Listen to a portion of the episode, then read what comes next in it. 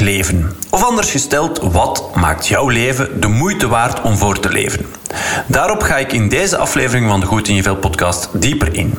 Ditmaal dus geen interview, maar een monoloog van mijn twee. Ik kreeg vaak te horen van de mensen die mij, of meer bepaald Epic Coaching, volgen. En dat zijn er op Facebook toch meer dan 21.000 en op Instagram 4.000 als ik me niet vergis. Dat ze de interviews heel boeiend vinden, maar ik kreeg vaak ook te horen...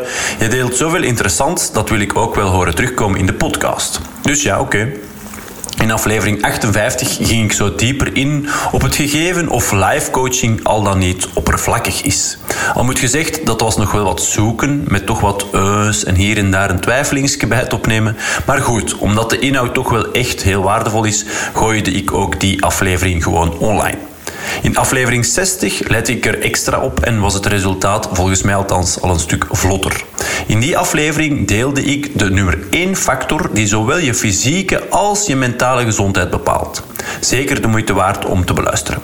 En ben je toch meer voor de interviews? In de vorige aflevering, aflevering 61, interviewde ik bijvoorbeeld Evi Gruijaert, van wie je nog altijd een boek kan winnen. Mocht je daar interesse in hebben, laat dan even van je horen op www.epiccoaching.be schuine streep STFG van Start to Feel Great. Maar goed, voor nu dus, hoe leid je een waardig leven? Wat is dat eigenlijk? Wat en hoe bepaalt mee of jij jouw leven de moeite waard vindt om voor te leven? Daar ga ik dieper op in in deze 62e aflevering van de Goed in je Vel podcast. Gun jezelf een momentje en enjoy!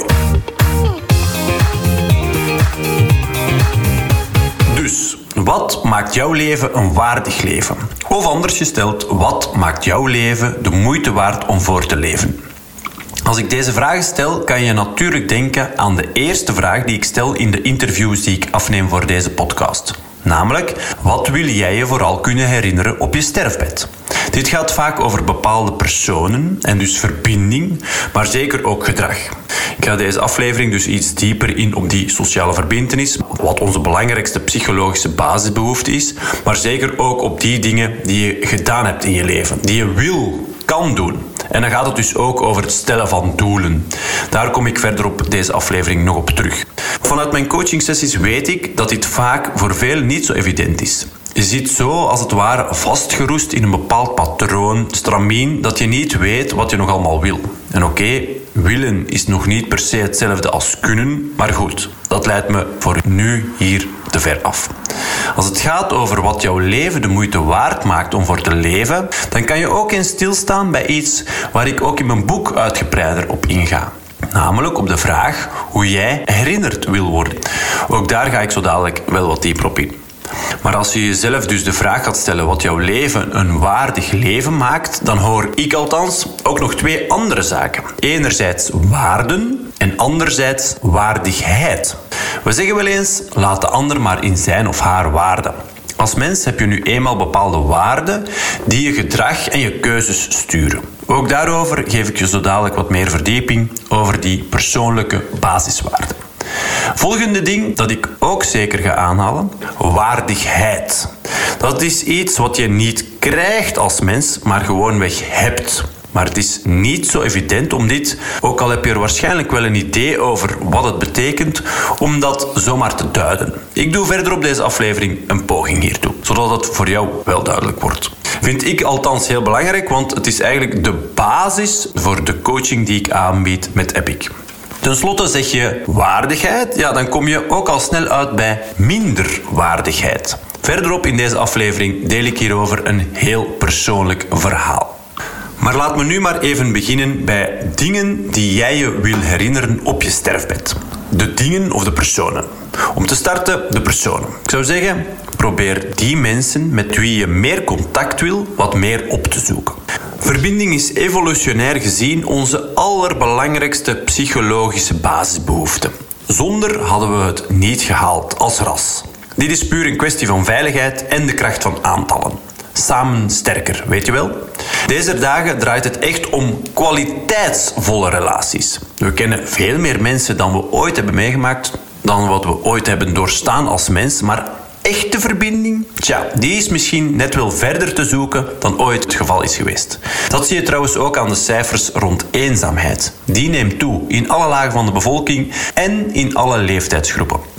Wist je trouwens dat een meta-analyse uit 2015, een meta-analyse dat is een, ja, een bundeling van heel wat wetenschappelijke onderzoeken, waarbij in dit geval 3 miljoen mensen gedurende 34 jaar werden opgevolgd, dat die suggereert dat eenzaamheid meer invloed heeft op onze levensverwachting dan bijvoorbeeld roken, alcoholisme of obesitas.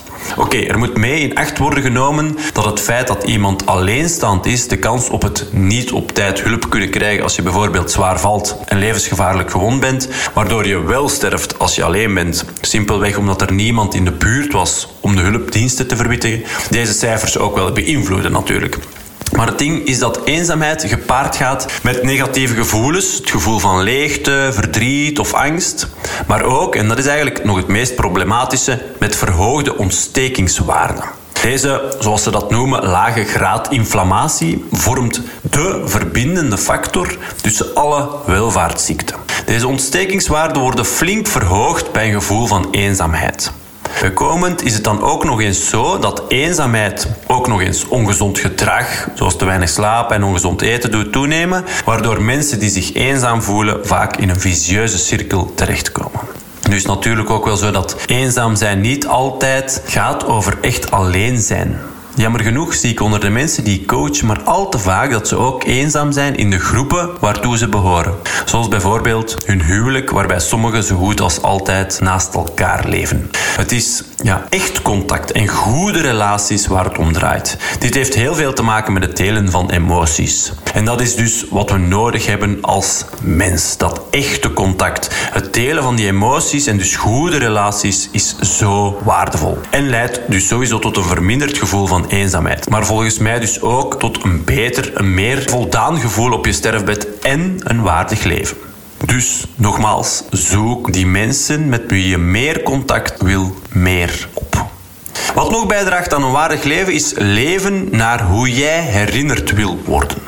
In mijn boek geef ik in het eerste hoofdstuk, allee, eigenlijk is het het derde hoofdstuk denk ik, maar, ja, maar de eerste twee ga ik uh, dieper in op uh, waar het boek concreet over gaat en wie ik ben. Dus ja, het derde hoofdstuk dus, hoe kan je veranderen. Daarin geef ik vier oefeningen mee om erachter te komen wat jij wil. Anders wil dan voorheen. Een van die oefeningen is er één die ik ontleend heb van Stephen Covey. De begrafenisreden. Stel, Jij sterft. Je beste vriend stapt naar het spreekgestoelte om zijn of haar herinneringen over jou te delen. Blijkt toch wel niet dat het briefje met de af te lezen, hè, ja, anders wordt het veel te emotioneel, dus het af te lezen briefje met die tekst ligt nog thuis op de keukentafel. En jij komt als engeltje of als duiveltje, dat laat ik even in het midden, op je beste vriend zijn of haar schouder zitten. Je schiet haar of hem te hulp. Jij fluistert in dat oor dat zich vlak bij jou bevindt, ja, want jij zit op die schouder. Maar wel in dat oor fluister jij hoe jij wil herinnerd worden. In mijn boek geef ik de antwoorden mee die er bij mij naar boven kwamen toen ik zelf de eerste keer deze oefening maakte. Op een seminarie in Nederland was dat kwam toen wel heel erg binnen, moet ik zeggen. En lezers van mijn boek of cliënten van me geven ook heel regelmatig aan dit toch wel even slikken was. Ik wil niet alleen herinnerd worden als een gastvrij, zorgzaam en niet snel opgevend iemand, maar als ik deze oefening nadien nog eens maakte, kwam er bijvoorbeeld ook naar boven dat ik een vader wil zijn die er echt is met de er tussen haakjes. Niet alleen fysiek aanwezig, maar ook echt als in authentiek. Maar moet je dan natuurlijk wel weten wie je bent, waar je voor staat en ook wat je wil. Wat me bij het volgende gegeven brengt, wat ik graag met jou wil bespreken en wat bijdraagt tot een waardig leven. Doelen stellen. En dan zodanig kunnen focussen dat je die ook waar kan maken. Dat schept uiteraard voldoening en een goed gevoel. Het gevoel iets waard te zijn, weet je wel? Eigenwaarde. Heel veel mensen weten niet wat ze allemaal willen. En dan heb je ook nog een hele groep personen die de verkeerde dingen najagen. Beide gevallen zie ik wel heel vaak terugkomen bij ik coach. En ja, oké, het hebben van doelen is maar een eerste stap natuurlijk. Naast focus heb je ook nog wilskracht nodig om die doelen waar te maken en te kunnen doorzetten als het moeilijk wordt. Gelukkig is niet alleen het verhogen van wilskracht, of zoals wij het noemen, discipline, maar ook volhouden gewoon te leren. Maar goed, je moet dus wel starten bij het bepalen van doelen. Maar doordat we zo vaak met oogkleppen opleven en maar gaan, steeds meer, ja, meer willen en daardoor zo hard focussen op meer, meer, meer, uh, ja, harder werken, dat ik in de praktijk vaak merk dat mensen nog geen 15 dingen of zo kunnen neerschrijven die hen leuk lijken ooit nog te kunnen doen. Lukt jou dat eigenlijk? Mijn cliënten laat ik trouwens naar eerst 30 en zelfs uiteindelijk 100 doelen toewerken. Om dan te eindigen, door allerlei filters, bij max 5 doelen uit te komen die we uiteindelijk, hij of zij, dan echt gaan waarmaken. De komende, laat ons zeggen, 5 jaar. Wat een mooie en realistische termijn blijkt te zijn. Vind jij dit ook moeilijk? Mocht je deze oefening gaan doen, dan kan het helpen om te denken in categorieën. Zoals daar zijn gezondheid of reizen, familie, vrienden, anderen helpen, leren, um, ja, wat persoonlijke ontwikkeling bijvoorbeeld, liefde, relaties. Zo zijn er nog wel enkele te noemen, maar probeer het maar eens uit. Hè. Neem een blad, zet een plusje en schrijf er iets achter. Zet weer een plusje en noteer weer iets wat jou leuk lijkt ooit nog te kunnen doen. En droom daarbij. Ook al maak je ze nooit echt waar, het gaat meer over verkennen.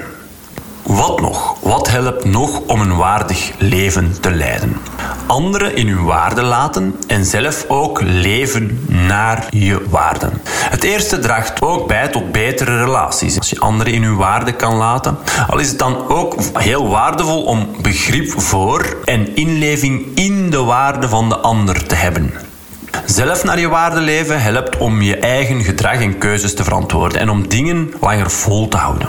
Jouw persoonlijke basiswaarden geven aan wat jij belangrijk vindt. Er wordt hier al decennia onderzoek naar gedaan en wat blijkt dat de basiswaarden een persoonlijke hiërarchie hebben. Jij vindt de een dus al belangrijker dan de ander. Hoe hoger een bepaalde waarde staat, hoe groter de kans dat je daar ook effectief naar handelt. En ja, ze echt, ja, als het ware een rechtvaardiging vormen voor je eigen gedrag.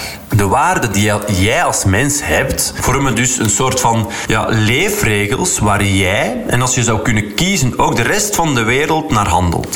Ze hebben dus niet alleen invloed op je gedrag, ze vormen ook een goede beschrijving van wie jij bent, van jouw identieke zelf. Er zijn heel veel waardesystemen, maar ik gebruik in het coachen van mensen het model van de Israëlische hoogleraar Shalom H. Schwartz. Hij identificeerde 57 waarden die door iedereen wereldwijd worden herkend. Schwartz bracht de waarden in kaart, waardoor je echt concreet kan zien welke dicht bij elkaar liggen of net heel ver uit elkaar. Het feit dat ze dicht bij elkaar liggen vergroot de kans enorm dat ze ook in eenzelfde persoon worden teruggevonden. Zo liggen de waarden ruimdenkendheid en gelijkheid bijvoorbeeld heel dicht bij elkaar. Uiteindelijk groepeerde Schwartz die 57 persoonlijke waarden tot 10 basiswaarden die in een soort van taartdiagram worden afgebeeld. Te weten komen volgens welke waarden jij vooral handelt, kan door een in meer dan 90 landen gevalideerde vragenlijst. Dit vormt voor mij een belangrijke reden om dit waardesysteem te gebruiken als het in meer dan 90 landen gevalideerd is dat zegt wel iets. Hè. Een andere reden trouwens om dit te gebruiken is het gegeven dat uit onderzoek blijkt dat coachen op persoonlijkheid, denk bijvoorbeeld aan best wel gekende methodes zoals de Meyer-Briggs Type Indicator, de MBTI, maar ook het eh, Enneagram of uh, kernkwadranten, de DISC-methode, waar je misschien al wel eens van gehoord hebt, die zogezegd een alternatief vormen voor coachen op die persoonlijke basiswaarden, ja, blijkt dat die niet zo effectief zijn en niet per se leiden tot betere resultaten. En net daarom dat ik opteer deze persoonlijke basiswaarden van Schwartz en die gevalideerde vragenlijst te gebruiken. Wil jij deze vragenlijst voor jezelf trouwens eens invullen? Je kan hem gratis downloaden via www.epiccoaching.be basiswaarden. Dat gezegd zijnde, als we het hebben over een waardig leven, of wat jouw leven de moeite waard maakt, kom ik uiteindelijk uit bij waardigheid. Het idee van menselijke waardigheid is een pijler onder de mensenrechten en misschien wel het enige beginsel dat alle mensenrechten verbindt. Het begrip waardigheid wordt op veel verschillende manieren gebruikt. Soms dus in directe relatie met mensenrechten, maar ook vaak als verwijzing naar wat in een samenleving als recht op respect wordt gezien. Beginnende misschien wel met zelfrespect en uiteraard ook respect voor je medemens. Maar ook, lijkt mij alvast heel belangrijk, voor de natuur, onze planeet. Waardigheid is iets waarover al eeuwen wordt gesproken. Het begrip komt al terug in de grote religies, maar ook in de filosofie. Ook in het oude Griekenland en het oude Romeinse Rijk sprak men al van timia, dignitas. En toen ging waardigheid eigenlijk over het idee van menselijke waardigheid en dat die burgers zou beschermen tegen ja, marteling en onwaardige vormen van executie en zo. En ook in de universele verklaring voor de rechten van de mens en de verdragen van de Verenigde Naties wordt over waardigheid van de menselijke persoon gesproken. Daarin staat dat mensen gelijk zijn in waardigheid en rechten. Volgens de universele verklaring voor de rechten van de mens is de menselijke waardigheid één van de beginselen van de universaliteit van mensenrechten. Zoals ik net zei, in de filosofie wordt er ook best wel veel over gesproken, over waardigheid. De Romeinse filosoof Cicero zag waardigheid als iets wat de Romeinse burger onderscheidde van buitenlanders en van slaven. In de middeleeuwen stelde bijvoorbeeld Thomas van Aquino dat waardigheid het onderscheid was tussen mens en dier. In de 15e eeuw deed Giovanni Pico del Mirandola, zegt jou misschien niks, maar maakt niet uit, die deed een aanzet voor de definiëring van menselijke waardigheid als grondbeginsel van universele waarden. In zijn reden over de waardigheid van de mens bepleitte hij de verzoening van klassieke filosofie, het christendom en Oosterse tradities. Een andere filosoof, Immanuel Kant, koesterde in de 18e eeuw de opvatting, in de geest van de verlichting toenertijd, dat waardigheid een andere naam was voor redelijkheid, fatsoen en gecontroleerde passie. Alle historische definities rond waardigheid gingen in ieder geval in het algemeen over plichten die leiden tot respect voor mensen. Een fatsoenlijk mens moet zich met waardigheid gedragen. Daar gaat het eigenlijk over als we terugkijken naar die definities van waardigheid. Nu, als we kijken naar vitaliteit en je dus levend en alert voelen en daarvoor dus voldoende motivatie, energie en veerkracht hebben om je eigen doelen na te streven, gaat ook over die waardigheid een waardig, een goed leven kunnen leiden. Het idee dat alle mensen gelijkwaardig zijn, vormt hierbij echt een heel belangrijk gegeven. Niet in het minst om goed te kunnen samenwerken, want vanuit waardigheid ontstaat het verlangen om jezelf te ontwikkelen in harmonie met je omgeving. En nee, vitaliteit gaat dus niet per se over gezondheid of over emotionele gezondheid. Zoals ik al zo vaak heb aangegeven, kan je bijvoorbeeld terminaal ziek zijn en toch nog redenen, redenen hebben om voor te leven. Of je kan sombere gedachten en of angsten hebben, maar wel een leven leiden waarin je vrijwillig je eigen keuzes maakt en dingen doet die zin hebben omdat je ze leuk vindt en of dingen die je zin geeft omdat je ze nu eenmaal belangrijk vindt. Dit kan perfect en bewijst dat vitaliteit verder gaat dan fysieke of mentaal-emotionele gezondheid. Vanuit het kader van vitaliteit dus is het zo dat een gevoel van minderwaardigheid dat blijft aanhouden juist iets is wat leidt tot een verminderde vitaliteit, levenskracht, energie. Op die minderwaardigheid kom ik zo dadelijk nog wel even terug. Maar ik ga nog even door op wat waardigheid nu juist betekent, wat het inhoudt. Waardigheid bestaat uit enerzijds basisbehoeften, daarnaast uit moraliteit. Laat me dit even kaderen. Basisbehoeften. Ik heb het al eerder gezegd in aflevering 60, als ik het had over de best onderzochte theorie rond menselijke motivatie, namelijk de zelfdeterminatietheorie. We hebben dus als mens zowel biologische als psychologische basisbehoeften. Als we hierin een tekort ervaren, dan leidt onze waardigheid daar, ja, die leidt daaronder. Die neemt dan af. We vallen dan veel sneller terug in vluchtgedrag. Denk maar aan meer werken. Of ja, wat ik ook wel vaak zie als steeds vroeger op de dag beginnen drinken, drugs, uh, overmatig shoppen of, of te veel eten. Noem het maar op. Hè. Dat zijn klassieke voorbeelden van ja, escapisme of vluchtgedrag. Maar minder gekende voorbeelden. Het zelf maken van een fout en toch de schuld geven aan anderen. Of juist wraak proberen nemen als een ander een fout maakt in plaats van die fout dan gewoon proberen te herstellen. Ook in de slachtofferrol kruipen of alleen nog maar in de zetel willen liggen, uh, brainless scrollen of uh, binge-watchen. Het zijn allemaal voorbeelden die wijzen op het feit dat je vluchtgedrag vertoont. Kortom, de reden valt weg. je gaat compenseren en je schaduwcompetenties gaan vaak de bovenhand nemen. Ook streven naar imago, financieel succes en vooral bezig zijn met je ego's en zaken die wijzen op een tekort aan, vooral dan de psychologische basisbehoeften.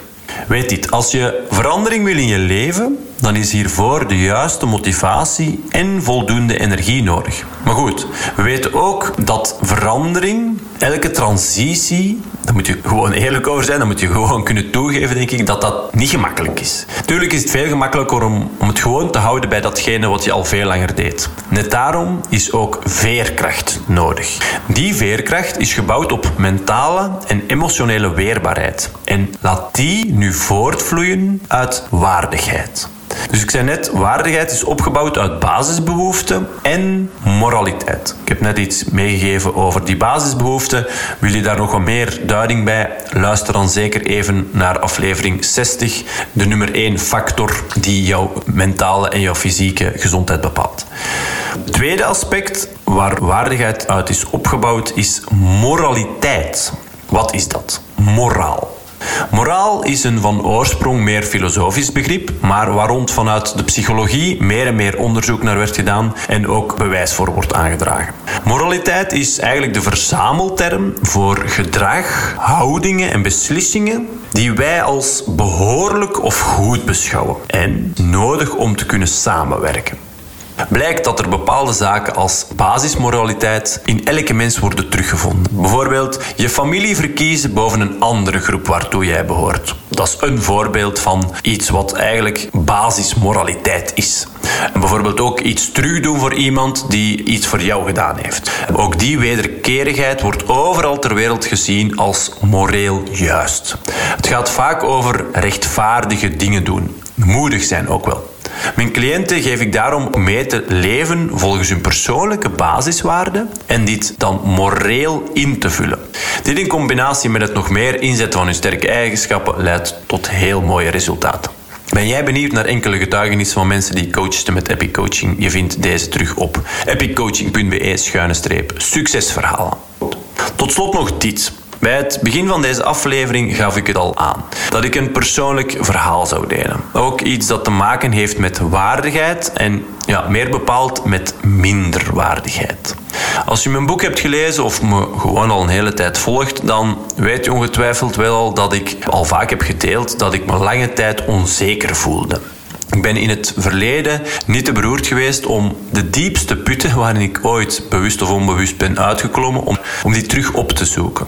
Niet simpel, maar oh zo leerrijk en ja, daarmee ook gewoon heel waardevol. Dus net zo met mijn onzekerheid. Ik wist dat die voor een stuk voortvloeide uit de scheiding van mijn ouders toen ik zeven jaar oud was. Maar als ik daar ja, verder in ging graven, dan bleek dat die onzekerheid in grote mate ook te maken had met mij minder waard voelen. Dat, dat kwam ja, onder andere door het feit dat ik door mijn vader nooit echt het gevoel heb gekregen ja, naar waarde geschat te worden.